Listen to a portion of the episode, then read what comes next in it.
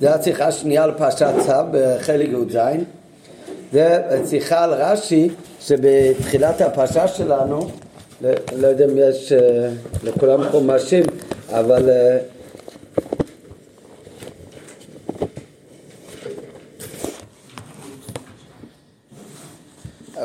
אבל זה אה, בהתחלה של הפרשה, אז יש שתי פסוקים, פרק בתחילת הפרשה, פרק פסוק ה' ופסוק ו'. תחילה פרשת צו, והאש על המזבח תוקד בו לא תכבה, וביער עליה הכהן עצים בבוקר בבוקר, וערך עליה העולה והקטיא עליה החל והשלמים, אש תמיד תוקד על המזבח לא תכבה. כן? אז כתוב כאן הרבה פעמים המילה אש על המזבח. מהריבוי פעמים שכתוב תוקד בה לא תכבה וערך עליה עולה והקטיא עליה אש תמיד תוקד על המזבח. אז מזה לומד רש"י, לומד הגמרא ורש"י מביא את זה, רש"י מביא את זה בפסוק ה' ריבה כאן יקידות הרבה ורש"י מפרט מה זה יקידות הרבה, יקידות זה הכוונה אש שנדלק אש אז אומר רש"י ריבה כאן יקידות הרבה ומפרט על מוקדה ואש המזבח תוקד בו ואש על המזבח תוקד בה אש תמיד תוקד על המזבח כולן נדרשו במסכת יומא כמה פעמים רש"י מביא את המילה תוקד? ארבע פעמים. כולן נדרשו במסכת יומא כולם נדרשים בגמרא במסכת יומא שנחלקו רבותינו במניין המערכות שהיו שם. יש מחלוקת בין החכמים במסכת יומא כמה, בין התנאים, כמה מערכות היו על המזבח. זאת אומרת, על המזבח החיצון, בחצר שעליו הקריבו את הקורבנות, לא היה רק אש אחד על המזבח, שזה נקרא המערכה הגדולה, אלא היו כמה מערכות של אש על המזבח. כן, כמו שאנחנו אומרים אה, כל יום בתפילה, בקורבנות, יש את המערכה הגדולה, יש מערכה שנייה של קטורת, היה עוד אש קטן שממנו לוקחים אחר כך גחלים לתוך המזבח הפנימי שעליו הקטירו את הקטורת. וכמה היה בסך הכל, אז יש מחלוקת, יש מחלוקת אם סך הכל היה שלוש מקומות של אש על המזבח או שבסך הכל היה ארבע יקידות של אש על המזבח. אז אומר רש"י אצלנו שמזה שהפסוק ריבה כאן יקידות הרבה על מוקדה ואש המזבח תוקע בו ואש על המזבח תוקד בו. אש תמיד תוקד על המזבח רש"י מונה את כל הארבע פעמים. הפעם הרביעית זה הפסוק ו' שעליו אנחנו נלמד את השיחה אש תמיד תוקד על המזבח לא תכבה אז מזה, את כל הפעמים האלה הגמרא דורשת במסכת יומא, ומיד מוסיף רש"י שנחלקו בו, חכמי ישראל נחלקו בזה, כמה היה מניין המערכות שהיה למזבח. טוב, בפסוק ו', רש"י בפסוק ו', אש תמיד תוקד על המזבח לא תכבה, אומר רש"י ככה, אש תמיד, אומר רש"י, אש שנאמר בו תמיד, אש שכתוב עליו תמיד, על איזה אש כתוב תמיד? בנוסף, לא, הכוונה בנוסף לפסוק שלנו, בפסוק שלנו פסוק ו' כתוב אש תמיד תוקד על המזבח לא תכבה ואסור לכבות אותו. אומר רש"י, מה זה אש תמיד? זה הפעם היחידה שבכל התוקד ואש כתוב המילה תמיד בפסוק ו'. אומר רש"י, מה זה אש תמיד? אומר רש"י, יש אש אחד שהתורה קוראת לו תמיד. איזה אש התורה קוראת לו תמיד? היא שמדליקים בה את הנרות. זה האש של נרות המנורה שהיה בתוך בית המקדש. למה זה נקרא תמיד? שנאמר בה, למדנו כבר בחומש שמות, לעלות נר תמיד. אז אומר רש"י, הפסוק אש תמיד תוקד על המזבח לא תכבה, אש תמיד הכוונה, אש תמיד על מה זה הולך? האש שנקרא תמיד, איזה אש נקרא תמיד? אש של המנורה. מה זה תוקד על המזבח? אומר רש"י, אף היא את האש של המנורה מעל מזבח החיצון תוקד. מאיפה אתה מדליק את המנורה? את האש תמיד שהדלק על המנורה בתוך בית המקדוש, מאיפה אתה מדליק אותו? לא מהמצית, אלא אתה צריך להביא אש מהמזבח החיצון. אש תמיד, גם האש שנקרא תמיד, מה זה נקרא אש תמיד אומר רש"י? אש המנורה, למה זה נקרא תמיד? כי הפסוק קורא לו לעלות נר תמיד, אז גם הנר הזה, האש הזה, על המזבח תוקד, כנ"ל מהמזבח אתה צריך להדליק אותו. צריך לקחת אותו מאש על המזבח.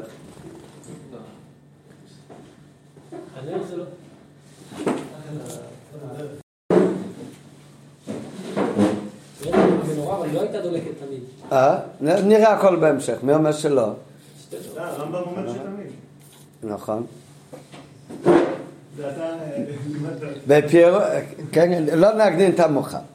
בפירוש על הפסוק, נראה עכשיו בפנים את השיחה, איש תמיד תוקד על המזבח לא תרבה, מתיג רש"י, השיחה מתחילה עם הרש"י השני על פסוק ו', מתיג רש"י את המילים איש תמיד, הוא מפרש איש נאמר בה תמיד, הוא שמדליקים בה את הנרות שנאמר בה לעלות נר תמיד, גם הנר הזה, גם האש הזה של המנורה, אף היא, גם האש הזאת, מעל המזבח החיצון תוקד. גם אותו צריך להדליק מעל המזבח החיצון. צריך לקחת אש מהמזבח החיצון. בפשטות יש לפרש. מה ברש"י להסביר כאן בכלל? מה לא מובן במילים? מה, בפשטות בלי רש"י, איך אתה קורא את הפסוק? אש תמיד תוקד על המזבח. זה לא הולך על האש של המנורה. אש צריך להיות בתמידות על המזבח, ואחר כך יש גם לא תעשה. לא תכבה ואסור לכבות, לכבות את, ה, את האש. אז למה, מה רש"י בא להגיד? רש"י בא להגיד שלתת טעם למילה תמיד. שלכאורה המילה היא מיותרת. למה היא מיותרת? כי הרי בסוף הפסוק כתוב, לא אש תמיד תוקעת על המזבח, לא תכבה. אם זה לא נכבה אף פעם, אז זה גם יהיה תמיד. כך שהמילה תמיד היא לכאורה מיותרת. אם כוונת הפסוק להדגיש האש על המזבח צריך לדלוק ללא הפסק, הרי דיו שיאמר אש תוקד על המזבח, לא תכבה. אם היה כתוב לא תכבה לחוד, גם הייתי יודע שהוא יהיה תמיד. כמו הלשון בפסוק קודם, והאש על המזבח תוקד בו לא תכבה, כמו שכתוב באמת בפסוק ה', פסוק אחד קודם. מה מוסיף כאן המילה אש תמיד? כדי לתרץ את השאלה הזאת, אומר רש"י שהמילה אש תמיד לא הולך על האש של המזבח, אלא הולך על המזבח אש של המנורה. שהאש של המנורה נקרא אש תמיד, כי המנורה נקראת נר תמיד, שתוקד, והפסוק בא להגיד שצריך להדליק אותה, מאיפה מדליקים אותה? מן האש של המזבח מהמזבח. ואת האש של המזבח אסור לכבות. זה מה שאומר רש"י. רק מה, לכאורה זה לא כל כך מובן, כי בפרשה שלנו בתחילת ויקרו, איפה מדובר על פרשת המנורה? בחומש שמייז. בפרשה שלנו, תחילת פרשת צו מדבר על המזבח ועל האש שצריך להיות על המזבח, שאף על פי כמו שרש"י אומר שאש היה יורד מלמעלה, יש מצווה להביא מן האדיוט שכל יום לפני שהקריבו קורבן עולה תמיד של שחר, אז היו מביאים גזרי עץ והיה מצווה לעשות אש. וזה שכתוב הרבה יקידות יש בשני פסוקים האלה וכמה פסוקים האלה זה בא לרמז שהיה כמה אישים על המזבח. בכלל לא מדובר כאן על המנורה. אז להגיד שהאש תמיד הולך פתאום על האש המנורה ומה הכוונה? תוקד בו לא שיהיה דלוק על המזבח אלא אש תמיד של המנורה תוקד בו הכוונה תדליק אותו מהאש על המזבח אז זה הרי הכל בדרך דרשה אבל זה לא לכאורה לא פשוט של מיקרו הרי בפשוט השמיקה היה ביותר קל להגיד שבפסוק מדברים על האש של המזבח ולא של המנורה. והפסוק אומר גם את החיובי וגם את השלילי. הוא גם מדגיש שחייב להיות תמיד הוא גם אומר שאף פעם לא יכבה. אבל לכאורה אינו מובן כל תוכן הפרשה כאן זה הרי המזבח וענייניו של המזבח ובכלל זה מדובר בפסוקים האלה על האש שעל המזבח ואם כן, מהי בואי הוכה? איך נכנס לכאן, בפרט על פי פשוטו של מיקרו, איזה דין שלא קשור בכלל למזבח, אלא שקשור בעצם לנורות המנורה. מה שהוסיף הפסוק את המילה תמיד, הרי אפשר לפרש את זה בפשטות, שזה בא להוסיף הדגשה גם בלשון חיובית שהאש צריך להיות תמידי. שהתורה לא רצה להגיד רק את הצד השלילי שלו, לכבות את האש, היא אומרת גם את ההדגשה החיובית שצריך להיות בתמידות האש. כמו שאומנם מפרש האבן עזרא, שאבן עזרא היה מראשי פשטני המיקרו, שגם מסביר פשוטו של מיקרו, הוא אומר באמת שהמילה תמיד זה בא להוסיף את עניין התמידות שבאש המזבח. בהערות הרי מביא שיש דעות באמת שאומרים שאולי יש בזה גם מצוות תעשה, גם מצוות לא תעשה. לא תכבה זה לאו. ואש תמיד זה עשה, ולכן זה בכלל לא מיותר, כי יש גם עשה וגם לאו. על זה הרבי שולל, הוא אומר, הלשון, אש תמיד תוקד על המזבח, זה לא לשון של מצוות עשה, זה למה שזה לאו, זה טיעון, נכון. לא תכבה זה לאו. אז נכון, אז זה לא עשה ולא תעשה. אבל עדיין היה יכול להיות שהפסוק מדגיש את הצד החיובי שזה צריך להיות תמידי. ואומר מיד את האיסור שלא תכבה. אבל, אבל להגיד שהמילה איש תמיד, שזה שכתוב במילה תמיד, בגלל שזה מיותר זה בכלל רמז על, על נר המנורה, זה רחוק מפשוט מיקרו לכאורה. כן. אני שואל, המצוות היפה לומדים מהתוקד? אם כן? לא, זה... אה, אולי, אבל... מי אומר שצריך להיות מצוות עשה? בהערה אומר שבית הראשון של הרמב"ם. כן, אבל אחר כך, זה צד החלק השני. אין להחשוד למה רש"י לא מפרש ככה, שאיש תמיד זה מצוות עשה, כי זה באמת לאו דווקא. כי אין כאן משמעות עשה. אבל גם בפשוט של מיקרו מצינו כמה מצוות בלשון כזה, גם אם זה לא מצוות עשה, זה רק הקדמה ללאו.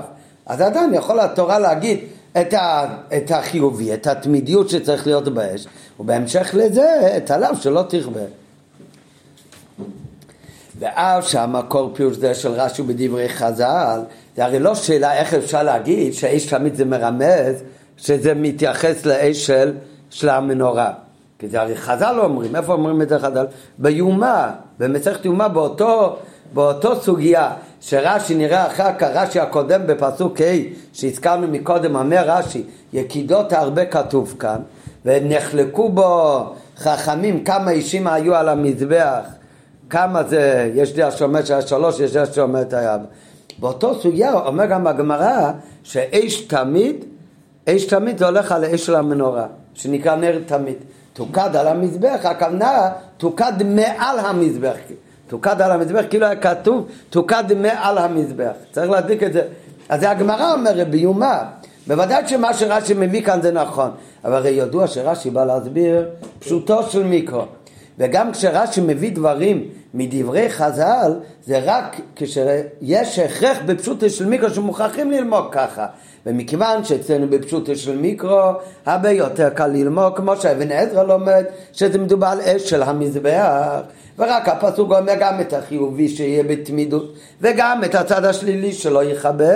אז מה ההכרח של רש"י? בפשוט של מיקרו שכאן חייבים להגיד שאש תמיד זה בכלל לא הולך על האש של המזבח אלא זה בכלל אש המנורה. ואף שמקום פירוש זה של רש"י ובדברי חז"ל הרי ידוע כפי שכבר נדבר כמה פעמים שאפילו דברי מדרשי חז"ל שמביא רש"י בפירושו על התורה זה רק מדרשים כאלה שמוכרחים בפשוטו של מיקרו ובפרט שהפירוש בא בדברי רש"י ללא הקדמה שרבותינו דרשו וכייצא בזה, שאז מובן שהפירוש שרש"י מביא זה מוכח עוד יותר מפשוטי של מיקרו ולא בדרך דרש או פלפול שהגמרא מביאה. וזו השאלה, שנכון שהגמרא אומרת אש תומית, זה מתייחס לאש המנורה שנקרא נר תמיד, אבל בפשוטי של מיקרו מה איך ללמוד ככה? בפשוטי של מיקרו למה שלא נלמד כמו פרשי אבן עזרא? יתרה על כך, רש"י בעצמו מביא ב... ברש"י הקודם. מביא רש"י, ברש"י הקודם שקראנו בתחילת השיעור, אומר רש"י, יקידות הרבה ריבה כאן.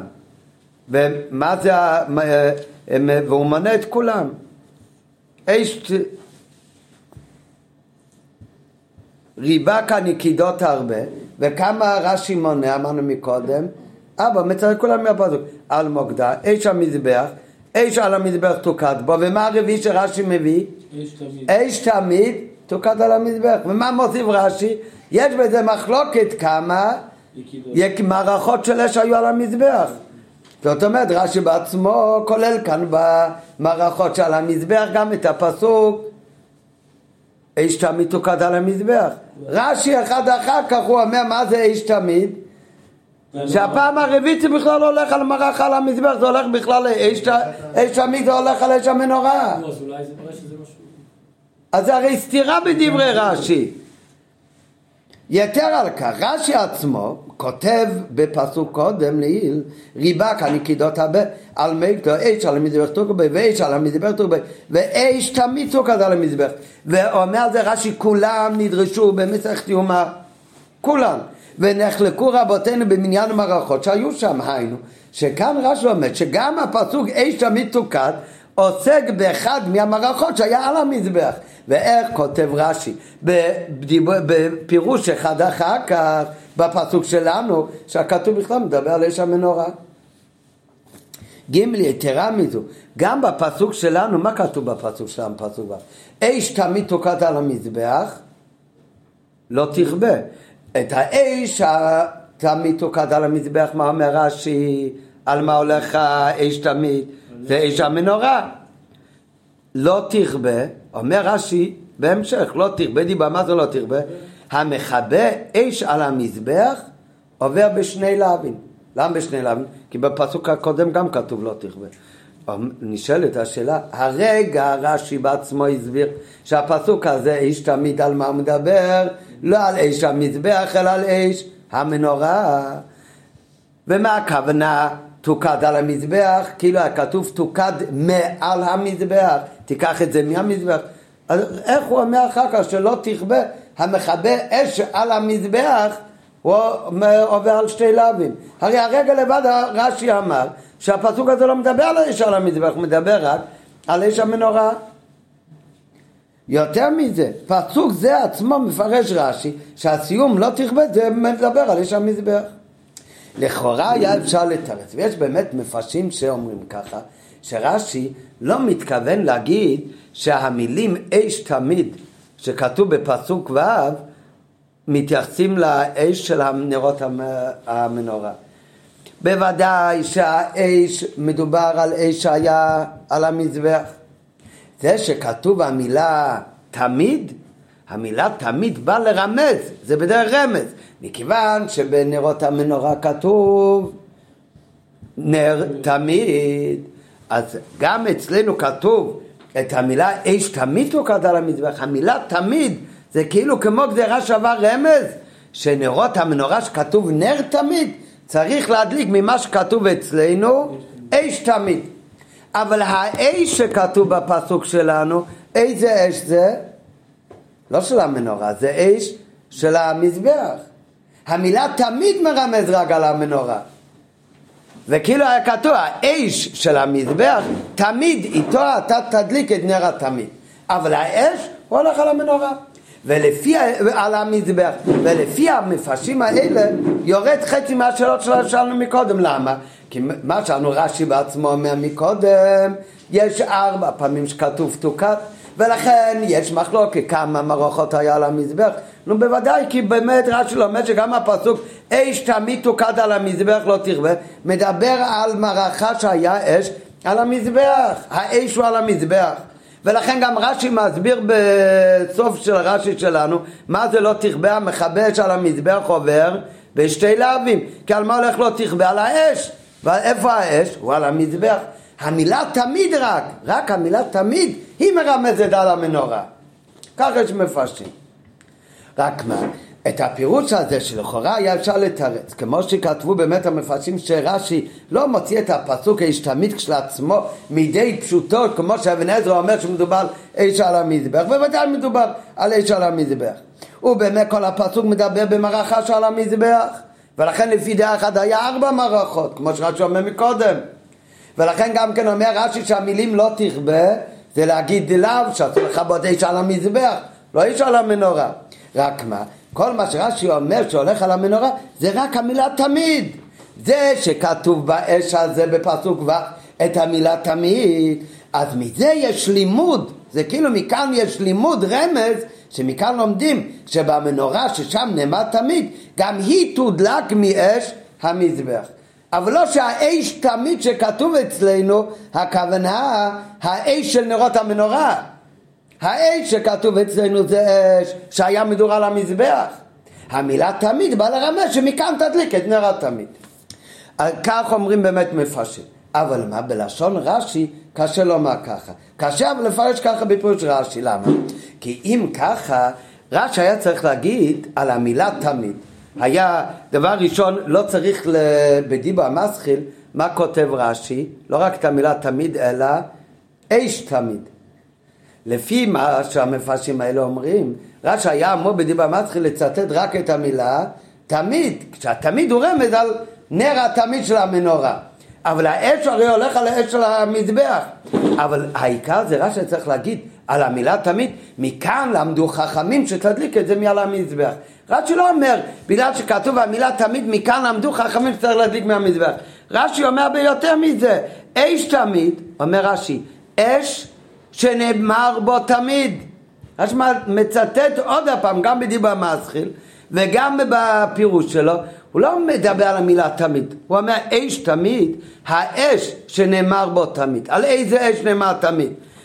היא שמדליקים בה את הנרות, זה האש שמדליקים בה את נרות המנהרה, שכתוב לעלות נר תמיד, אף היא מעל המזבח החיצון תוקד. מה זה החצי השני ברש"י? אומר רש"י, לא רק יש כאן רמז בתמיד, רש"י מצטט גם את המשך הפסוק, אש תמיד תוקד על המזבח. אומר רש"י, אף היא מעל המזבח החיצון תוקד. מה זה התוספת כאן? אף היא מעל המזבח החיצון תוקד. רש"י בא להגיד הרי בפשטות, שמה הוא מסביר מה זה אש תמיד? לא רק המילה תמיד. הוא אומר אש תמיד זה האש שנקרא תמיד. איפה יש אש שנקרא תמיד? זה האש של המנורה. מה המשך הפסוק אבל? תוקד על המזבח? מה אומר רש"י? אף היא מעל המזבח תוקד. זאת אומרת, רש"י בא להגיד שמה שכתוב בפסוק תוקד על המזבח, אתה צריך לקרוא את זה כאילו היה כתוב תוקד מעל המזבח. כן? אבל אם בכלל מדברים על אש שהוא על המזבח בפשוטו של מיקרו, רק המילה תמיד באה לרמז תדליק ממנו את המנורה, אז הרי רש"י לא צריך להסביר, אף הוא מעל המזבח תוקד, משמש בלשון הפסוק. ופשוט רש"י בא להגיד כאן, שאש תמיד זה האש של המנורה, שמדליקים איתו את המנורה. ואם ככה, מה הפירוש? תוקד על המזבח, הוא הרי במנורה. תוקד על המזבח, אף הוא מעל המזבח תוקד. גם הוא צריך להידלק מעל המזבח. מזה שרש"י מסביר ככה כל הפסוק, אז מובן באמת שרש"י לא לומד כמו אותם מפרשים שרוצים ללמוד ברש"י, שרק המילה תמיד הוא רמז על המנורה, אבל האש מדובר על אש של המערכה, אלא בפשטות רש"י לומד כפשוט כשקוראים את הרש"י כאן, שאש תמיד זה אש המנורה, או אש שמדליקין איתו את המנורה, אבל הוא כבר לא על המזבח. ומה הכוונה תוקד על המזבח? כאילו היה כתוב תוקד מעל המזבח. א', לפי זה, לפי המפרשים מתאים יותר לשון רבותינו, למדו מכאן או מכאן למדו וכייצא בו זה, אבל לא על זה מדובר כאן, כאן מדבר הרי על אש על המזבח. רש"י מציג מן הפסוק גם את המילה אש, לא רק את המילה תמיד. זאת אומרת רש"י לא אומר רק שהמילה תמיד הוא רמז למנורה, אלא רש"י באמת לומד שהאש הוא האש של התמיד, הוא האש של המנורה. וזה גם בדיבור המסחיל מצטט רש"י המילה אש, וכך גם בתוך דבריו מפרש את המילה אש יחד עם הפירוש של המילה תמיד. אש שנאמר בה תמיד, היינו שתמיד מתאר את האש שנאמר כאן בפסוק. וגימל וגם בסוף של רש"י רואים מאריכות הלשון בפירוש רש"י אף היא מעל המזבח החיצון תוקד מזה מובן שמפרש כן את המשך הכתוב גופה שמה שכתוב תוקד על המזבח זה כאילו היה כתוב תוקד מעל המזבח. אז על איזה אש מדברים? לא מדברים על אש המזבח, אלא על אש המנורה.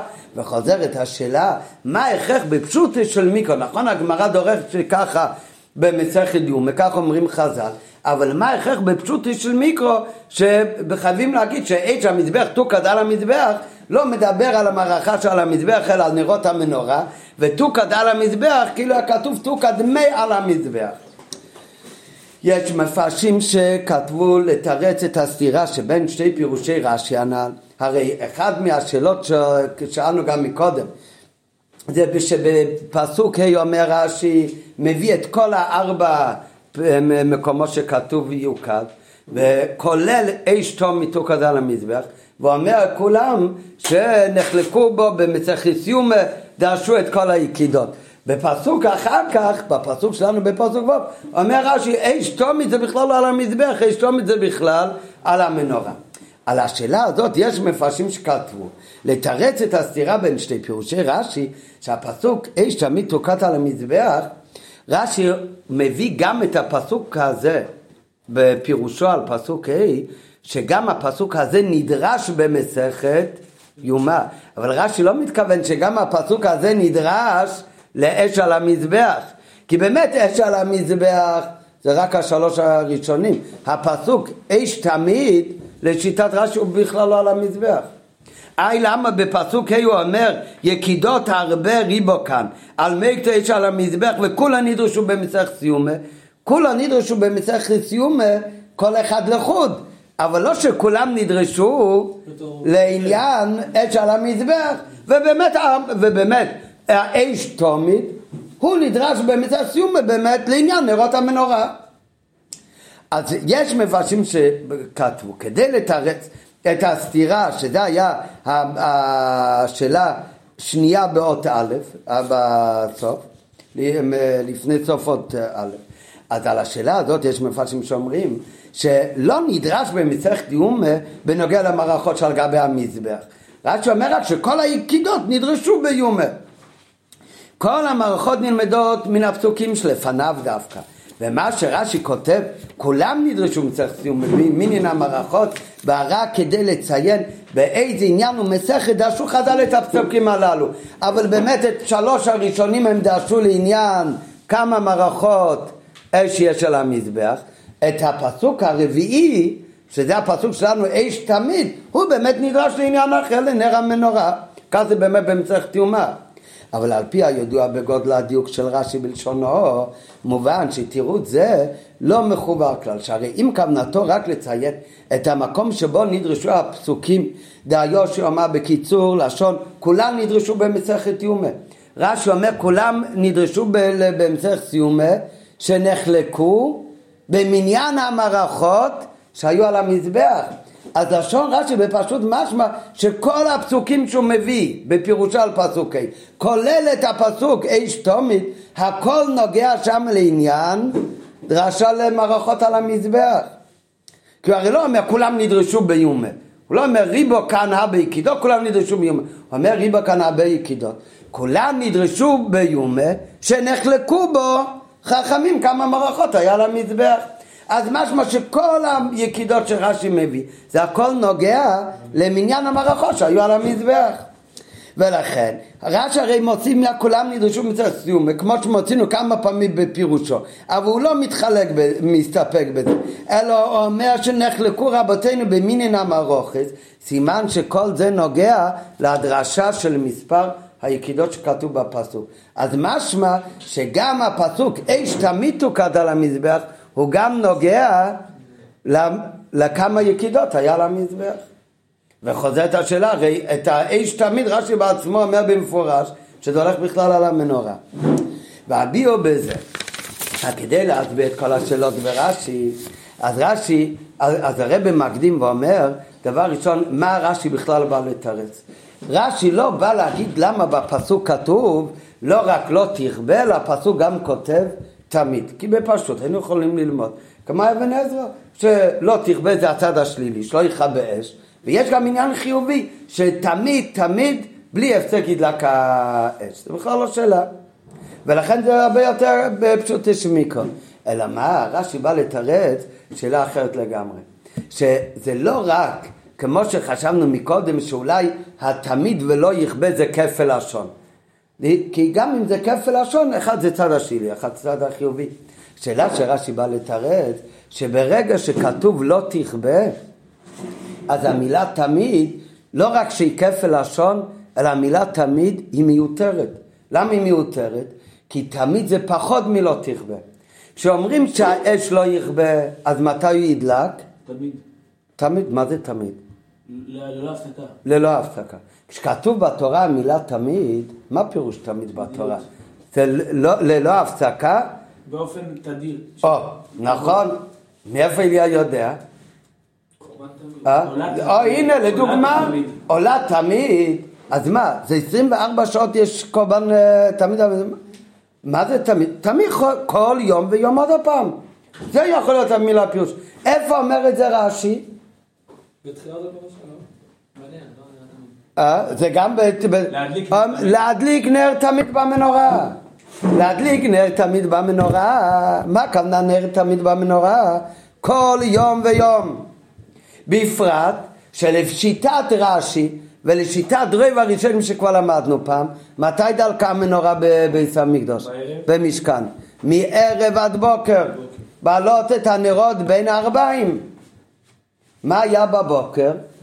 בבוקר בבוקר בהיטיבו את הנרות, כל בוקר היטיבו את הנרות, הוציאו את הפתילה השרופה, שמו חדשה ולא הדליקו בכלל.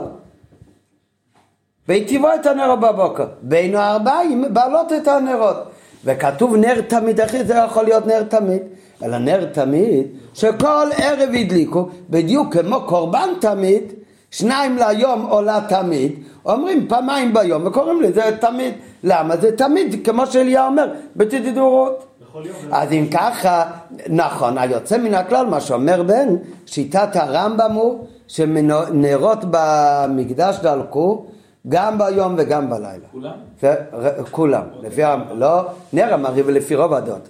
נכון, זה עוד עניין, שנר המערבי אולי תמיד, אבל כתוב נרות, אבל זה נכון, אבל לפי הרמב"ם, כל הנרות הדליקו את נרות המנורה פעמיים ביום, בבוקר ובין הבאים. היה כתוב בהיטיבו את הנרות, לפי הרמב"ם, בהיטיבות, לא בשביל מה אתה מיטיב את הנרות? מיטיבים בשביל להדליק. וזה בפשטות. כך אומר הרמב"ם. זה מעניין, זה אין מפורש בגמרא. וזה מחלוקת בראשונים, האם דלקה מנורה. אז לפי הרמב"ם, אבל זה דעת יחיד, סובר שהמנורה דלקה תמיד. לפי רוב הדעות, הנורה, מנורה הדליקו בין הבית מערב עד בוקר. ובכל זאת זה נקרא תמיד. הקורבנות שהקטירו שניים ליום אלו סומית, זה היה פעמיים ביום, מעשה חד פעמי, ובכל זאת זה נקרא תמיד, בגלל התדירות שבו. אם ככה נחזור עכשיו לפסוק של אישה על המזבח, שכתוב לא תכבה, לא תכבה, זה לא תדירות, אלא לא תכבה, הכוונה כל הזמן, 24 שעות ביממה, שבע ימים בשבוע, זה לא תכבה, אף פעם לא יכבה. לעומת זאת, תמיד, תמיד זה בכלל לא מראה על לשון שזה ב, צריך להיות בלי הפסקה. תמיד זה יכול להיות דבר שמתחדש כל יום גם כן. אז אם ככה, השאלה שרש"י בא לתרץ, זה לא כפל הלשון בין תמיד ללא תכבה. כי כפל הלשון, היית יכול להגיד, זה העניין החיובי, זה העניין השלילי. השאלה היא הרבה יותר קשה, שאחרי שכתוב בסוף הפס, זה לא סתירה, תמיד יכול להיות גם כפשוטי, זה לא סתירה, אבל המילה תמיד היא מיותרת, כי הלא תכבה הוא כולל הרבה יותר מתמיד. תמיד זה יכול להיות פירוש גם פעם ביום. זה יכול להיות גם בלי הפסקה, יכול להיות ככה, יכול להיות ככה. לא תרבה בטוח פירושו ללא הפסקה. אז מכיוון שכתוב בפסוק לא תרבה, אז המילה תמיד בפסוק לפי פשוטי של מיקרו, שתומית זה לא דבר בלי הפסק ממש בינתיים, אז באמת התומית הוא הופך להיות מיותר. ולכן אומר רש"י שהאישו מתחייב לרמז מצד פשוטי של מיקרו על, ה... על, על הנר המנורה. והביאו בזה התוכן של המילה תמיד כבר רש"י לעיל לגבי המנורה בתחילה פשט צצה שכל לילה ולילה קרוי תמיד כמו שאתה אומר עולת תמיד ואינו אלא מיום ליום וכן במנחס חבית נאמר תמיד ואינו אלא מחציתה בבוקר מחציתה בערב וכולי אה? נכון? מה שאמרת בפרשה הקודמת וכיוון שכן, בפרשה שלנו וכיוון שכן קשה לומר ששיטס רש"י שהמילה תמיד בנידן דידן באה להוסיף כמו שאומר אבן עזרא על התמידיות בזמן על האמור בפסוק לא יתיכבה הרי אדרבה לא יתיכבה פירושו שהאש צריכה לדלוק ללא הפסקה. לעומת זאת המילה תמיד היא יכולה להתפרש גם כתמידיות של ימים לבד או לילות לבד. ובזה גוף אליו דווקא כל משך היום או הלילה. בדיוק כמו לתמיד, שזה לא היה 24 שעות, זה פעם ביום, פעם בלילה. ולכן הכת רש"י, זה מה שהכריח את רש"י, בפשוט של מיקרו, לומר שאש תמיד בא הפסוק לרבות אש נוספת.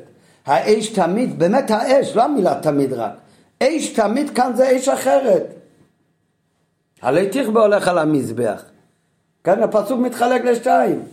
אש תמיד אמ, אה, תוקד על המזבח. אש תמיד, צריך להדליק אותו מעל המזבח. אש תמיד, זה אש תמיד, זה אש המנורה שנקרא תמיד. שם באמת מה פירוש תמיד? כל לילה ולילה. זה באמת לא 24 שעות. אחר כך אומר הפסוק, לא תכבה, זה הולך, מה שאתה ממנו מדליק את האש תמיד. ולכן נוקד רש"י שהאש תמיד שבא הפסוק לרבות אש נוספת, שכתוב בה לעלות נר תמיד, שיש להדליק גם את הנר הזה מעל המזבח. לפי זה מובן גם סגנון בדברי רש"י בפסוק ה' אודות יקידות הרבה. שרש"י לא מסתפק להגיד שהרבה פעמים כתוב המילה יקידות בפרשה שלנו ודרשו את זה ביומה. תחפש, תמצא כבר איך דרשו את זה. וחלק לכאן וחלק למזבח, חלק ל... אלא רש"י מוסיף על זה שנחלקו כמה יקידות היו. למה? רש"י לא מסתפק באמירה בקיצור, ריבה כאן יקידות הרבה, וסומך על מי שלומד שימנה אותן בעצמו. אלא רש"י מזכיר את כל המקומות שכתוב אצלנו יקידה, וכולל גם את הפסוק אש תמיד, ש... שרש"י מונה כל אחד, ומעריך בלשונו, וכותב שריבה הרבה, ולא כתב ארבע יקידות, כאן על מוקדה וכולי.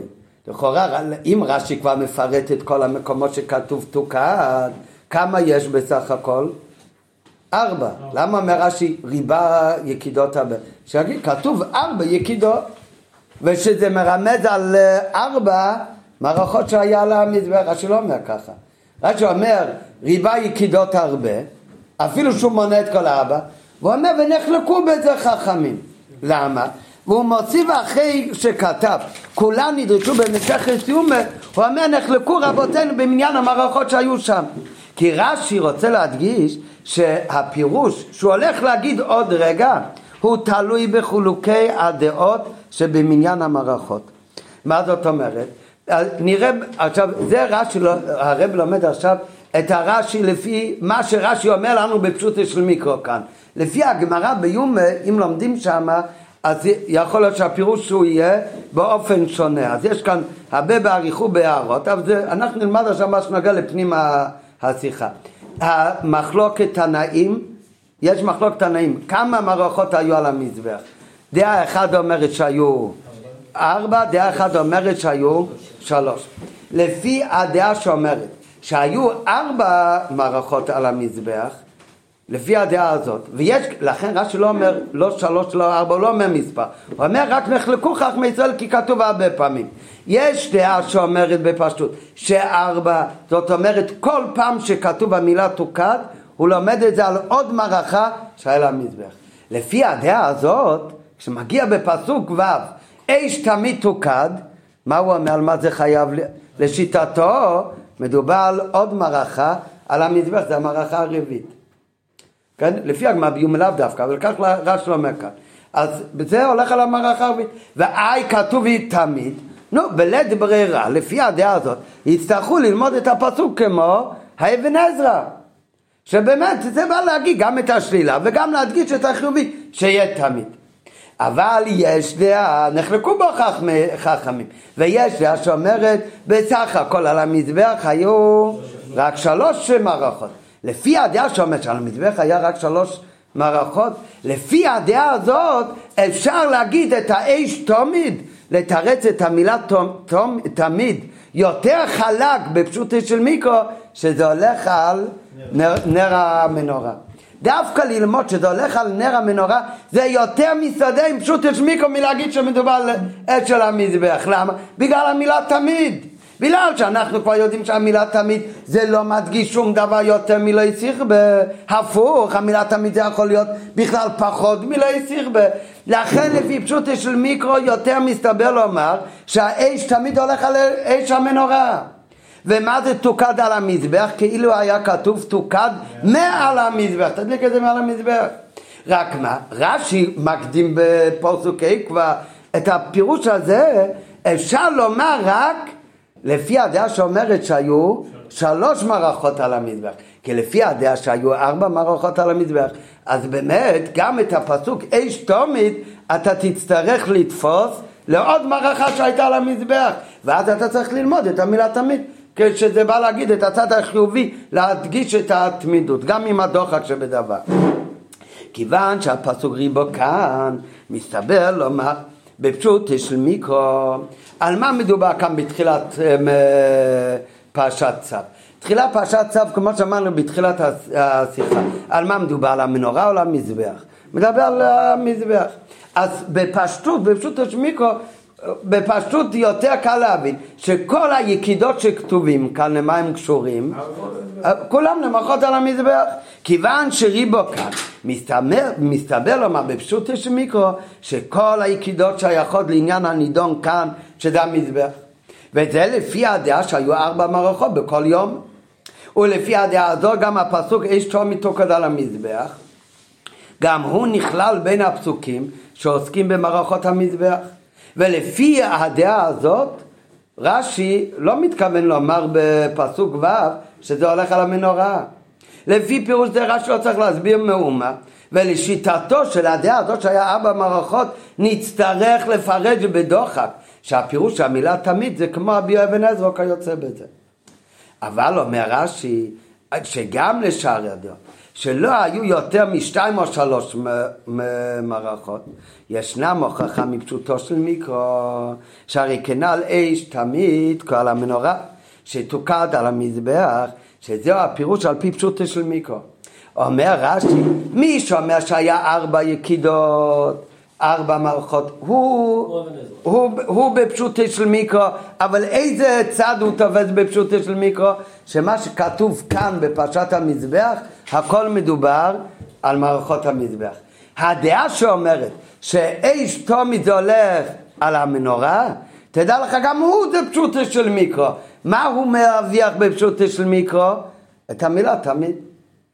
אבל אומר רש"י גם שאר הדעות, אלה שאומרים שהיו רק שתיים או שלוש מערכות, שלפי הדעות האלה הפסוק אש תום מתוקד על המזבח לא לומדים למערכה למזבח, גם הם יש להם הוכחה מפשוטו של מיקרו. מה ההוכחה שלהם מפשוטו של מיקרו? שעדיף לומר שהמילה תמיד מדברת על נרות המנורה. אשתו מכל המנהרת שתוקד על המזבח, מעל המזבח, שזה הפירוש הפשוטו של מיקרו, ולפי זה היקידות במזבח הן הרבה, יותר מאחד, אבל לא מגיעים לארבע, אלא רק לשלוש. טוב, אה, כאן זה הביור ברש"י. אה? לא, זה בגמרא ביומא, זה לא... כן, כן. טוב, עכשיו, אה כאן זה הכל הביור ברש"י. עכשיו, בהמשך לזה שלמדנו עד עכשיו, זה, מעכשיו זה אולי יותר בעומק אבל פחות מסובך. בסופו של דבר, מה יוצא למסקנה? לפי רש"י בפסוק ו' הוא מסביר את הפשוט של מיקרו שלפי הדעה שאומרת שלא כל מה שכתוב כאן מדובר על המזבח אלא להסביר פשוט של מיקרו את המילה תומית להגיד שאש תומית על מי מדבר? על האש שהיה על מנורה ואת זה צריך להדליק מן המנורה צריך להדליק מהמזבח מה יוצא? שחובה מן התורה לומדים את זה מהפסוק שאש המנורה מאיפה מדליקים את המנורה? זה חייב להיות נדלק מה, מהאש של המזבח. עכשיו, בזה גופה, את הדין הזה אפשר להבין בשתי אופנים. התנאי הזה שצריכים להדליק את המנורה מהמזבח, האם הדין הזה הוא תנאי באש המזבח, או שזה תנאי באש של המנורה. מה זאת אומרת? זה יוצא אותו דבר, מדליקים את המנורה מהאש של המזבח.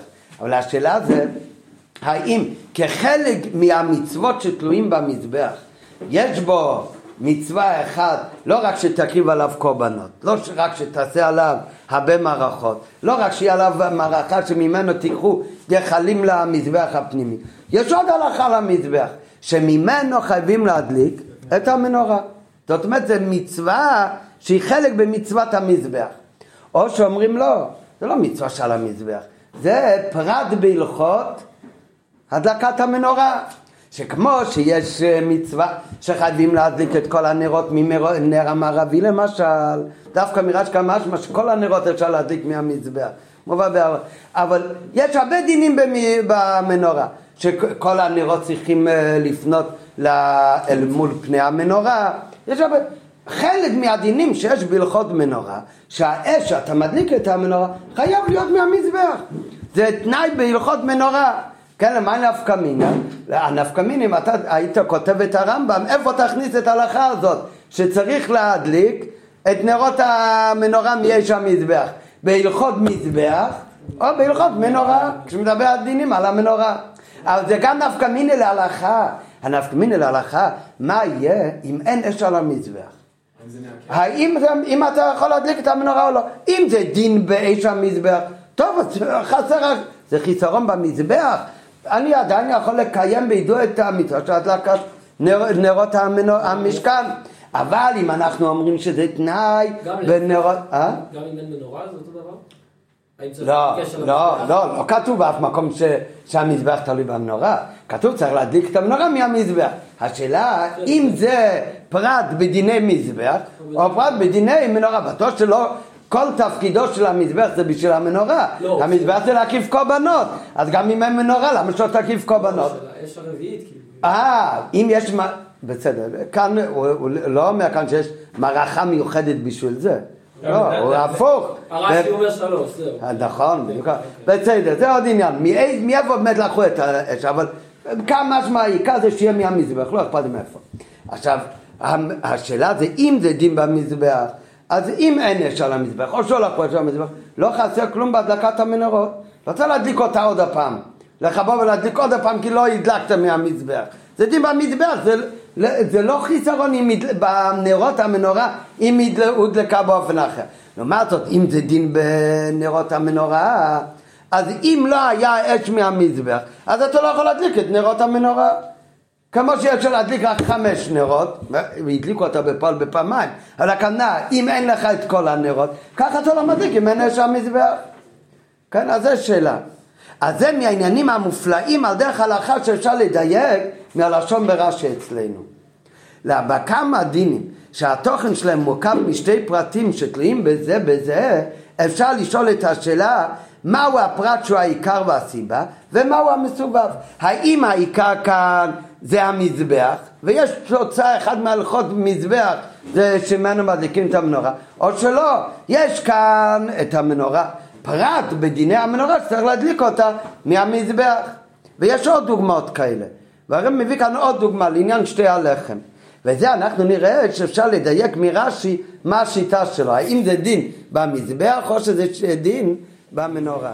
אז זה אמרנו בנוגע לאש של המנורה, שחייבים לקחת אותה מאש על המזבח, מה שרש"י אומר בפרשה שלנו, שגם אש תמיד, האש שנקרא תמיד, שנאמר נר תמיד ועל המנורה, גם הוא מעל המזבח תוקד, גם אותו צריך להדליק מעל המזבח. אז עכשיו הוא אומר בעניינים, ה... בהלכה בפירוש שאפשר לדייק מכאן, שכשיש שתי מצוות שקשורים אחד לשני, אז תמיד יש את השאלה מה, מהו הסיבה ומהו התוצאה, מה תלוי במה כאילו, האם זה דין במזבח או שזה דין במנורה. אז על דרך זה מביא על זה דוגמה, זה הרי על זה אנחנו מדברים כאן. הדוגמה שמביא זה שתי הלחם, אנחנו יודעים שב... בית המקדש היו מקריבים בשבועות שתי הלחם, זה היה קורבן, שאם הכבשים הביאו שתי לחמים, זה היה הקורבן היחיד בבית המקדש שהיה מחמץ. קורבן העומר שהיה בפסח, היה מצה, קורבן שתי הלחם היה חמץ. פעם בשנה? רק פעם בשנה. ככה בבית המקדש כל המנחות שלמדנו שבוע שעבר בוושטוריקו, זה הכל היה מצה. היה כל שעור וכל דבש לא תקטיר ממני של השם. הכל היה קשר לפסח, תמיד. גם הלחם הפנים, הלחמים שהיו בבית המקדש, על השעון, היה, היה לחם כזה עבה, אבל הוא היה מצה. אולי היה, היה אסור שיהיה... אה? לא, גם אם עשו עם מים, אז עשו את זה מהר, 18 דקות כמו מצות. לא היה שום דבר חמץ. גם שתי הלחם לא עלו למזבח, לא הכתיבו ממנו למזבח. אבל שתי הלחם זה הקורבן היחיד, הוא היה חמץ, זה דרך אגב. אה, בחסידס כתוב שפסח זה תחילת עבודה, זה מצה. אחר כך בשבועות זה שתי הלחם, אז זה כבר, הישס הוא כבר לא מהקליפה, זה כבר הגבי ליבו בעבודת השם, לכן זה קדושה. אבל זה לא קשור לשיחה. המצווה הייתה בחג שבועות להביא שתי הלחם. עד שהביאו שתי הלחם, כל המנחות, אתה רוצה להביא עכשיו מנחו לבית המקדש, כמו שלמדנו שבוע שעבר בפרשת ויקרו, שכמו שהיו קורבנות מן הבהמה ומן העוף, היו קורבנות מנחה, מנחת נדבה, כל המנחות, יש גם מנחות שהן לא נדבה, מנחת חוטא, כל המנחות היה אסור להביא מהתבואה החדשה עד אחרי שבועות. למה? כי הקורבן, זאת אומרת, על תבואה חדשה לאכול בבית שלך לחם שעושים מהקמח של השנה, מתבואה חדשה, ממתי מותר לאכול? חדש? מקורבן העומר בפסח. אבל מנחות מתבואה חדשה מותר להביא אך ורק, זאת אומרת, יש עונות בשנה שגודל התבואה, מהתבואה החדשה אפשר להביא את קורבנות המנחות אך ורק אחרי חג שבועות. עד שבועות צריך כל המנחות להביא מחיטים, לא שגדלו השנה, אלא שנה קודם. כן? למה? כי על, ה, על השתי הלחם שהביאו בחג השבוע כתוב ראשית, זה צריך להיות ההתחלה של כל המנחות מהתבואה החדשה. מכיוון שזה הראשית היה אסור להביא מהתבואה החדשה שום מנחה כל זמן שלא הקריבו את שתי הלחם בשבועות. זאת אומרת יש כאן מצווה ויש עוד מצווה. מצווה אחת להביא בשבועות שתי הלחם ואיסור, אסור להביא שום מנחה מתבואה חדשה לפני שתי הלחם. כי הוא חייב להיות הראשון. אז גם בזה אפשר לשאול אותו שאלה מה גורם למה. האם יש חובה להביא שתי הלחם ואחד מהפרטים של שתי הלחם הוא מתיר גם את המנחה להביא מתבואה חדשה. כל זמן שלא הביאו שתי הלחם, זה דין בשתי הלחם שהוא חייב להיות אה, הראשון. או שאנחנו אומרים לו, יש תבואה חדשה, אסור לה, להביא ממנו מנחה, כל זמן שלא הביאו קודם את שתי הלחם. נראה בפנים יותר מפורט. לדוגמה, בכמה דינים שתוכנם מורכב משתי פרטים, אפשר לשאול את אותו שאלה. לדוגמה, בשתי הלחם שקרבים בחג השבועות הוא, הדין הוא שצריך להיות מנחה חדשה מן התבואה החדשה, וקודם הקרבת שתי הלחם, לפני שהביאו שתי הלחם, אסור להקריב מנחה אחרת בבית המקדש מן התבואה החדשה. עולה גם כאן השאלה, מה כאן העיקר והסיבה? מהו הדין העיקרי והסיבה, ומהו התוצאה? האם זהו דין בשתי הלחם, כמו מקודם דנו, אם זה דין במנורה או במזבח, כאן, האם זה דין בשתי הלחם, שהם, השתי הלחם חייבים להיות המנחה הראשונה מהתורה החדשה. אין בעצם איסור להביא מנחות מתורה חדשה, בלי שתי הלחם.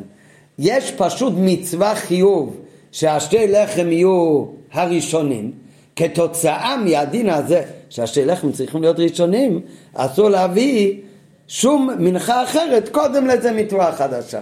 זה הכל תוצאה מהדין שהם חייבים להיות הראשונה.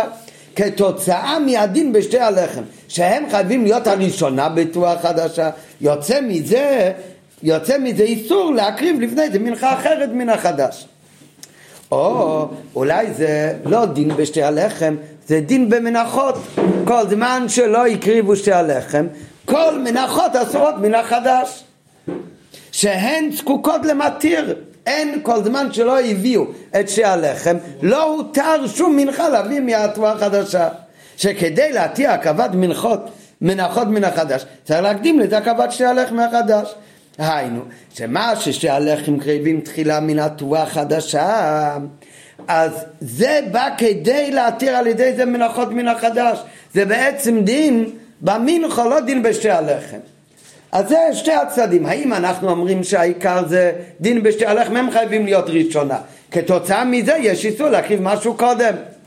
או שמהתבואה החדשה. או שאומרים מה פתאום. זה, זה ששתי הלחם הם צריכים להיות מהתבואה החדשה, כי הם אלה שמתירים להביא כל מנחות מהחדש. ואז יוצא דין במנחות. המנחות הם אסורים להיות מתבואה חדשה כל זמן שלא התירו אותם. מה מתיר אותם? שתי הלחם. נו, מה כאן יהיה נפקא מינה? פשוט מאוד, אם בטעות או במזיד, לא משנה, מישהו הקריב מנחה מתבואה חדשה שלוש ימים לפני חג שבועות, לפני שתי הלחם. עכשיו, שתי הלחם כבר בכל מקרה לא יהיה תבואה חדשה, היא כבר לא תהיה הראשונה בכל מקרה. אם זה דין בשתי הלחם, אתה יכול עכשיו להקריב כבר עוד מנחות מהחדש, זה כבר לא משנה. לעומת זאת, אם אומרים שזה דין במנחות, שאסור להקריב אותם מהתבואה החדשה, כל זמן שלא התירו אותם, על ידי מה? על ידי שתי הלחם. אז מה אכפת לי שאחד כבר הביא בטעות מהתבואה החדשה? אבל עדיין, עכשיו יש לך כאן עוד מנחה, זה מתבואה חדשה, כל זמן שלא הביאו שתי הלחם זה עוד לא הותר. אז נפקא מיני בנוגע לכמה עניינים, אם עברו והחריבו מנחה מתבואה חדשה, האם איסור הקרבת מנחה אחרי מתבואה חדשה עדיין בתוקף או לא? אם טעם האיסור לפי שזה לא דין במנחות, אלא זה דין בשתי הלחם, שהוא חייב להיות הראשון, לא, אז כאן זה כבר בכל מקרה הוא לא יהיה ראשון. אם זה מצד שהלחם צריכה להיקרב ראשונה מהתורה החדשה, אבל בענייננו כיוון ששתי הלחם כבר לא יכולים להיקרב ראשונה, עדיין יש מצווה להביא שתי הלחם, אבל ראשונה היא כבר לא תהיה בכל מקרה, אז כבר יכולים, להק... ממילא אין כבר איסור להקריב עכשיו שאר מנחות מתבואה חדשה. אז ניתן להקריב מנחות מן התורה החדשה. אבל אם זה לא דין בשתי הלחם, אלא זה דין במנחות, שאסור להקריב מנחה מן החדש קודם שהתירו את זה שתי הלחם. נו, אז זה שעשית עבירה במנחה אחד, זה לא סיבה שתעשה עוד איסור במנחה אחרת. אז האיסור במקומו, גם אחרי שהקריבו כבר מנחה מן החודש, כי כל זמן שלא הוקרבו שתי הלחם, אז עדיין אין את המתיר לייסה, הכוונה, לא קיים המתיר להקריב מנחה חדשה. ועל דרך הזה, שתי אופנים איך אפשר ללמוד את הדין הזה. האם זה דין בשתי הלחם או במנחות. על דרך זה ממש. בנוגע לענייננו, שלומדים מהפסוק בפרשה שלנו שאת נר המנורה מדליקים מהמזבח, אז השאלה אם זה דין במזבח או שזה דין במנורה. כאין זה, יש שאלה בענייננו. האם החיוב להדליק את המנורה מהמזבח החיצן?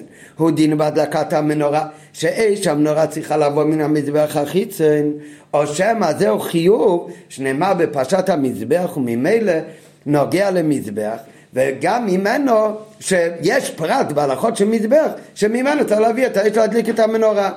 עוד שאומרים לו שזה דין במנורה שהמנורה כחלק מהלכות מנורה זה צריך להיות מאש המזבח מה נפקא מיני בזה? היא כמו שאמרנו מקודם אם יהיה איזה טעם אש המזבח אינה קיימת שאם אין אש על המזבח, האם זה מעכב את הדלקת המנורה או לא? אם אומרים שזה דין באש המזבח, טוב, נו, אז יש לך חיסרון עכשיו במזבח, זה לא מונע עדיין מלהדליק את המנורה. לעומת זאת, אם אומרים שזה שצריך להדליק את המנורה מהמזבח זה דין במנורה, אז אם ככה, כשאין אש על המזבח, אז אולי זה מעכב בכלל את הדלקת המנורה. אם זה דין במנורה, אז כשאין אש על המזבח, שליטה אש על המזבח, אז אי אפשר להדליק את המנורה, חסר כאן אה, תנאי עיקרי בהדלקת המנורה. אבל אם זה דין במזבח, אז נמצא לכאורה שכאשר אש המזבח אינה קיימת, בטל החיוב וניתן להדליק את המנורה מאש אחרת. נו, מה הדין בנוגע לשתי הלחם והמנחות? הוא לא יחיה, הוא אומר רק שבשיחה שיש שתי אופנים, איך להסתכל על זה. במנורה יש גם כן שתי אופנים איך להסתכל על זה. אז מה אצלנו אנחנו יכולים לדייק מרש"י? הרי זה מה שרוצה להביא מהעניינים המופלאים בפירוש רש"י. מקודם בשיחה הוא הביא כל הלשון ברש"י, אומר הלשון ברש"י איש תמיד, נסתכל עוד פעם מתחילת השיחה, איש שנאמר בה תמיד, האיש שנקרא תמיד, איזה אש זה? שמדליקים בה את הנרות, שנאמר בה לעלות נר תמיד, אף היא מעל המזבח החיצון תוקת. גם היא צריכה להידלק מהמזבח. זה מה שאומר רש"י. אז על דרך הלכה משמע שזה דין בהדלקת אש של המנורה. בפשטות בהלכה חושבים שזה פרט בהלכות מנורה. שהיא צריכה לבוא מהמזבח החיצון, כמו שיש הרבה פרטים במנורה, צריך להיות בו שבע נרות, כך יש גם דין שהאש צריך להיות, כך זה בפשטות על פי הלכה, ולכן זה יכול גם לעכב. למה זה כך משמע מהלכה? מביא כאן ראי ברמב"ם ורביץ שבהערה 31 ולהעיר שהרמב"ם כותב את הדין שצריך להדליק את המנורה מאש המזבח, כותב את זה בפרק ג' בהלכות בית הבחירה, בפרק ג' כבר לא מדובר על המזבח, בפרק ג' מדובר על, ה, על המנורה. בפרק ג' שמדבר במצוות הדלקת המנורה, ולא בפרק ב' ששם מדבר על אש המזבח והמערכות של המזבח. אז מהסדר, איפה הרמב"ם הכניס את הדין שהמנורה צריכה להידלק מאש המזבח, שהוא הכניס את זה בהלכות מנורה בפרק ג' בהלכות בית הבחירה, ולא בפרק ב' שהוא מדבר על אש המזבח, אז גם מזה אפשר לדייק שזה דין בהדקת המנורה ולא דין באש המזבח. זה בפשוט לפי הלכה. אבל אנחנו רואים שרש"י שינה מלשון חז"ל. חז"ל אומרים, אף תמיד שאמרתי לך לא תהא אלו בראשו של מזבח החיצון. הלשון בגמרא הוא אש תמיד שאמרתי לך, מה זה אש תמיד שאמרתי לך? זה אש המנורה, לא תהא אלו בראשו של מזבח החיצון, לא יהיה אלא משמה. זאת אומרת, זה דין במנורה, גם אש המנורה צריכה לבוא משם. אבל רש"י כותב, אש תמיד, אף היא מעל המזבח החיצון תוקת. רש"י מוסיף את המילים, אף היא. מה זאת אומרת אף היא? אם אני, מה עיקר ההדגשה כאן? על מה מדברים? על המנורה או על המזבח? וגם בפשוט, כמו שאמרנו כבר מקודם בשיחה, על מה מדבר תחילת פרשת צו? על המנורה או על המזבח? על המזבח. אומר רש"י, מוסיף את המילה אפי, כמו בעברית, יש הבדל אם אני אומר, את המנורה אתה חייב להדליק מהמזבח. או כשאנחנו מדברים עכשיו על אש המזבח, ואני אומר, אתה יודע, גם את המנורה, גם היא מהמזבח צריכה להידלק. נו, מה, אם אתה אומר גם היא מהמזבח צריכה להידלק, זאת אומרת, אתה לא מדבר על דין מנורה ספציפי, אתה אומר גם היא צריכה להידלק מהמזבח. זאת אומרת, יש כאן עוד פרט בהלכות מזבח. ואז יוצא שאם אין אש על המזבח, עדיין מדליקים את המנורה. כי זה לא הלכה בהלכות מנורה, אלא זה בהלכות המזבח. לפי זה גם אפשר להבין, הרי אמרנו כבר מקום בשיחה, לפי הדעה שאומרת שהיה ארבע יקידות, הוא, זה מסתדר יותר בפשוט של מיקרו, למה? כי הרי בפסוק שלנו על מה מדבר? על מנורה או על מזבח? על מערכות המזבח. לעומת זאת, לפי הדעה שאומרת שמה זה איש תמיד, זה איש המנורה, זה יותר מסתדר עם פשוטו של מיקרו, למה? זה יותר מסתדר עם פשוטו של מיקרו מצד המילה תמיד, כמו שאמרנו באריכות מקודם. אז זה מצד הלשון תמיד, אבל יש בו קושי, מה הקושי? איך נופל באמצע מזבח דין בהלכות מנורה? אבל לפי זה, לפי הדיוק ברש"י, זה מובן, זה באמת לא דין בהלכות מנורה. זה גוף הדין בהלכות מזבח, שאף היא, גם הדלקת נר תמיד של המנורה, אף היא, גם הדבר הזה מעל המזבח תוקד. גם היא צריכה להידלק מהמזבח. הלשון גם היא קשורה למזבח, סימן שאתה רוצה להדגיש כאן עוד משהו שכלול בהלכות מזבח ולא בהלכות מנורה. אבל מזה שרש"י משנה את לשון חז"ל ואומר איש מי שאמרתי לך לא תהי אלא וכותב אף אם מעל המזבח תוקד מזה משמע שזה דין במזבח החיצון שהאש שבו צריכה להיות לא רק בשביל קורבנות כשהיקידות כאן אלא האש שממנה תודלק אש המנורה. זה גם אש שממנו מדליקים את המנורה. ובפרט שכן מובן גם בפשטות הכתובים כנ"ל מזה שהתורה קבעה את מקומו של לימוד זה בפרשה שמדברת אודות אש המזבח החיצון, ולא איפה שמדברים בפרשת בעלי יצחו, בפרשת עצה, שמדובר בעלותך את הנרות, ולא בפרשת הנרות. אז זה עוד יותר משמע בפשוטו של מיקרו, שבאמת הדין הזה שהנרות המנורה נדלקים מעל אש על המזבח, זה לא דין במנורה, לא, זה דין אבי מעל המזבח תוקת, חלק ופרט בהלכות אש המזבח. אה? אה? לא, זה דיוק, הגמרא לא אומר במפורש, הרי הגמרא רק אומרת, מזה שזה הלשון, אי אפשר לדייק מזה אולי. הרבי מדייק מזה שרש"י משנה את הלשון. למה הוא משנה את הלשון? שיהיה יותר ברור שזה חלק ממיצת המזבח, אולי גם בגמרא זה הפירוש. כן, כשרק בגמרא שכתוב שאיש תמיד שמעתי לך לא תהיה לו מראשו של מזבח. לא, אתה עדיין לא יודע אם ההדגשה היא, אם זה חלק ממצוות מנורה, חלק ממצוות מזבח. מזה שרש"י, הרי רש"י מתבסס על הגמרא הזאת, אבל הוא קצת משנה את הלשון ומוסיף את המילים אף הוא, אז בשתי מילים האלה שלכאורה מה רש"י צריך כאן לשנות, וזה רש"י רוצה יותר להדגיש, שתדע לך אפילו שמדברים אש תמיד זה מדבר על אש המנורה, אבל זה כתוב כאן כי זה חלק ממצוות אש המזבח. זה לא מצווה של המנורה שהיא צריכה להידלק במזבח. זה מצווה על אש המזבח, שאש המזבח צריך לשמש גם למקור לאש המנורה. אבל אם אין אש במזבח, אז זה לא מעכב את מצוות הדלקת המנורה. אתה מבין מה שמעת לי? הדיוק זה לא מהג... הדיוק זה מהשינוי ברשת. ההוראה מזה בעבודת השם, מזה מגיע עכשיו הוראה נפלאה בעבודת השם. מה יותר נעלה? הדברים שהיו בבית המקדוש בחוץ, כמו המזבח החיצון שעליו היה אש המזבח, או הדברים שהיו בתוך קודש פנימה. בקודש פנימה גם היה מזבח, מזבח הפנימי. אז למדנו כבר פעם שכתוב בחסידות שהמזבח החיצון מרמז על חיצוניות הלב, על האהבה שמתלהבת כתוצאה מזבנינוס בגלות השם זה חיצוניות הלב, ויש פנימיות הלב, האהבה המסותרת שבוערת את כל יהודי בפנימיות. אז זה רמז על המזבח הפנימי. על המזבח החיצון הקריבו את הקורבנות, שזה העלאת הנפש הבאמיס, שזה מדבר על חיצוניות הלב. המזבח הפנימי היה לעבודת הקטורת, שקשור לנפש אלוקית. אז המזבח הפנימי זה דרגה יותר גבוהה. וכך גם בפשטות, הדברים שהיו בחצר האויל המועד. ואחר כך באזהרה זה היה פחות בדרגת הקדושה ממה שהיה בפנים בתוך ההיכל, בתוך הקודש. שבתוך הקודש היה המזבח הפנימי וגם המנרו. אז מה יותר נעלה לכאורה, אש המנורה או אש המזבח? אש המנורה שהיה לפני השם בתוך האלמייד. אז על זה אומר הפסוק, אבל אתה רוצה שידלק אש המנורה כמו שצריך, אז אתה יודע במה זה תלוי? באש של מזבח החיצון.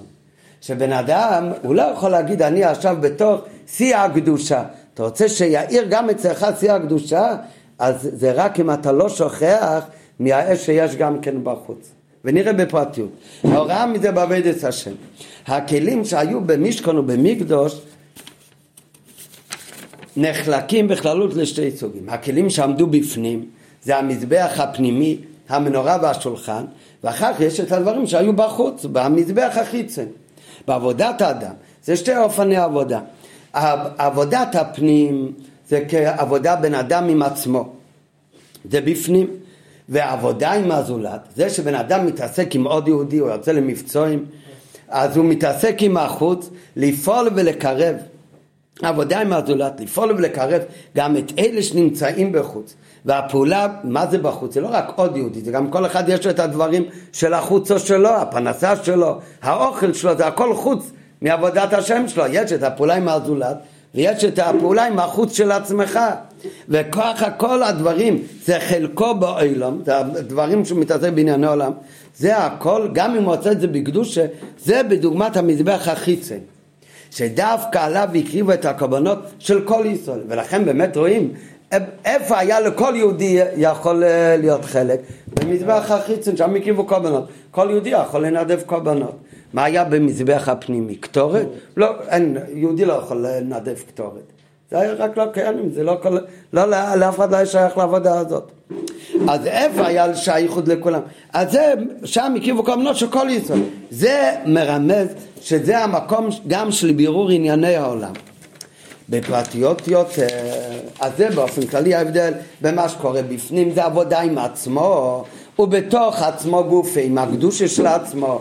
העבודה בחוץ זה מרמז עבודה עם הזולת, ובפרטיות יותר אפילו עבודה עם עצמו, אבל עם עצמו דברים שקשורים גם לאילום, עם חלקו בעולם, זה כבר החוץ, זה לא רק הפנימי שלו. בפרטיות יותר. הדלקת המנורה בתוך עבודת הפנים, אז הרי הביא מקום גם בפנים גוף, היה שולחן, היה מזבח פנימי והיה מנורו. בכל אחד מהדברים שהיו בפנים מרמזים על עניין מסוים בעבודת השם. כתוב על מה מרמזת המנורה? המנורה מרמזת על עניין התורה. כמו שנאמר, כי נר מצווה ותורה אור. אז הנרות זה מרמז על עניין התרם. יש בזה שתי, שתי, שתי ביורים בחסידות שהמנורה מרמזת על עבודת המידות ולכן במנורה יש שבע נרות כנגד שבע מידות או שהמנורה מרמזת לא על עבודת המידות אלא על עבודת המכין שזה גם מרומז בשבע כי התורה שבכתב שזה המקור זה קנה האמצעי וממנו יוצאים ששת הקנים זה התורה שבעל פה השישה סדרי מישנו שהם נמשכים מהתורה שבכתב. וזה יש רשימה שהרב אומר שזה תלוי במחלוקת תנאים רבי ו... הם, הם, ורבי, הם רבי לוזר בן רבי שמעון בר יוחאי אז יש מחלוקת בין רבי לרבי לוזר ורבי שמעון אם המנורה עמדה בבית המקדש לאורך המקדש עמדה לרוחב המקדש. הרי מסביר שהמחלוקת בין התנאים זה מהו הרמז בעניין המנורה. אם זה רמז לעניין המידס אז זה עמד לאורך המקדש. אם זה מרמז על עניין, ה... על עניין המכין, על התורה, זה עמד לרוחב של המקדש. מסביר גם למה. אבל כאן הוא מסביר, כאן בשיחה, כמו מה שכתוב הרבה פעמים בחסידות, שעניין המנורה מרמז על עניין התורה. יש באמת מקומות כמו בלכות יותר בתחילה בעלותך, הוא אומר שהארון הדליק את שבע הנרות, זה מרמז על כל סוגי בני ישראל שנחלקים לשבע אופנים במידות בעבודת השם. אחד עיקר עבודת השם זה בקו החסד, ואבס השם, אחד עיקר עבודת השם זה בקו הגבור, ירץ השם וככה שבע. אז שם מדובר לפי הסבר אחד, כאן מדבר שנר מצווה ותורה אור זה מרמז על עניין של תורה. רק הזכרתי את זה כי זה גם רמז שהתורה, כמו שיש תורה שבכתב וזה המקור שממנו נמשך כל תורה שבעל פה שמתחלק לשישה סדרים, אז לכן גם כן המנורה זה כאן אמצעי וממנו יוצאים שישה. אז זה נר מצווה ותורה, ועל זה נאמר לעלות נר תמיד.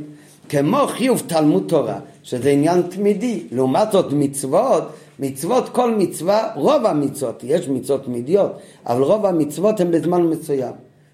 כן? בזמן מסוים, גם אם עשית את המצווה, הרגע אחר כך אתה כבר פטור מהמצווה, ברוב המצוות. לעומת זאת בתורה, והוגיסו ביום ולילה, זה מצווה תמידית. נכון, בן אדם, מכיוון שהוא עכשיו עוד חייב לעסוק בעסק פרנסתו, אז הוא כרגע פטור, אבל לא שאין עליו את החיוב, החיוב הוא תמידי. יהודי חייב תמיד לגוד בתורה. אז זה מרומז בזה שהמנורה זה נר תומית, אליס נר תומית, זה החיוב של תלמוד תרם השם גם במצווה. בפרט מי שתורתו אומנותו, שזה בבחינת נר תמיד, בפרט מי שתורתו אומנותו כמו יואב, אין לו שום דבר בעולם חוץ מלשבת ללמוד, הוא מקושר להשם בכל עת. כן, זה עומד בתוך המשכון לפני הוויה. נו, אז מה הוא יכול לחשוב? אה? עוד מעט יש מילואים. עוד מעט יש לו מילואים? אה, יש לו מילואים עוד מעט. בסדר, עד למילואים. אז כאן הוא יכול לטעון, אני מביא אותו רק לדוגמה, כולנו יודעים שהוא לא הסמל של התמדה. לא, לא, לא, לא, לא, חס וחלילה. דווקא כן. טוב, אז אלא שיכול היושב לטעון, אז הוא יכול לטעון, אני הנר תמיד, אני הרמש של המנרו, כיוון שביכולתו להיות מנורה דולקת באופן של לעלות נר תמיד, אם ככה הוא לא זקוק לקיום המצווה, הוא לא זקוק לדברים חיצוניים מצווה שקשור גם עם החוץ, אפילו שיש לפניו מצווה עוברת. וכן מכל שכן, כן, ונכון, יש בזה כזה סברה באמת. צריך הרי לימוד מיוחד שגם מי שתורתו אומנותו, הוא מפסיק לקריאת שמע, מפסיק למצווה עוברת. כן, אבל יכול להיות מקום לטעות שמכיוון שהוא קשור למה שיותר נעלה. לא, אבל בסדר, טעות כזה עוד ניחא, זה אין לאף אחד. כולם יודעים כאן, מפסיקים. אבל מה? הוא אומר לכל הפחות, בוודאי שהוא פטור לבוא במגע ומסע עם ענייני העולם. או יהודי אחר שבערך למקום ומלט ישב אויל, הוא נחשב לבחוץ. אין יהודי, שום יהודי הוא לא באמת בחוץ. אבל לעומת הדרגה הגבוהה של אותו ישב אויל, הוא הרי אולי נחשב כחוץ. אז עם זה הוא צריך להתעסק, חבל על הזמן. הוא צריך להיות הרי נר תמיד, תמיד לפני השם. עכשיו הוא הולך מתעסק, הוא צריך קצת לסגור את הספר. על זה מגיעה הוראה שאף היא, גם הנר, תמיד הנר של המנרו, אף היא מעל גבי המזבח תוקד. מה כאן מעל גבי מזבח תוקד? לא רק שלא ישכח גם על זה, זה הרבה יותר עמוק מזה. אתה רוצה שידלק המנורה, זה צריך לבוא מהמזבח. אם אתה לא חושב על עוד יהודי, גם התרא שלך זה לא ידלק כמו שצריך להיות. על זה באה הוראה שהדלקת המנורה צריכה להיות והרי מן המזבח. אמנם יש מזבח הפנימי והמזבח הפנימי כמו שאמרנו מקודם זה מרמז על עבודתו הנעלית של אדם ישראל עם עצמי כי הוא עומד בתוך האכול לא כמו המזבח החיצן. אבל ער המנורה לא הדליקו מהמזבח הפנימי. אור המנורה אינו בא מהמזבח הפנימי. אף שהוא יותר, המקום שלו יותר סמוך למנורה. הוא עמד ממש עד המנורה שהיא עבודה של פנימית הלב. מאיפה הביאו את האש למנורה? דווקא מן המזבח החיצון. יותר מזה, מדברי רש"י נמצא שהאש עוד בהיותה למזבח החיצון היא כבר קשורה עם אש המנורה. הרי הלשון ברש"י זה אש תמיד, זה אש שהיא נקראת תמיד. הכוונה, כשזה עוד על המזבח, אתה קורא לו אש תמיד, כי זה הנר נר תמיד.